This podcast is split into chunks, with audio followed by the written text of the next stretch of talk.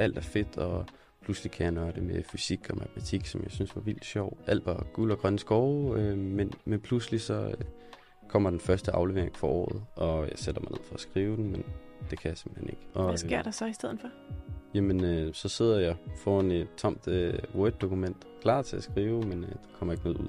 Og, og det fortsætter egentlig øh, til den næste opgave, og til opgaven efter, og, og så øh, står jeg faktisk øh, efter fire måneder og har øh, 100% skriftlig fravær.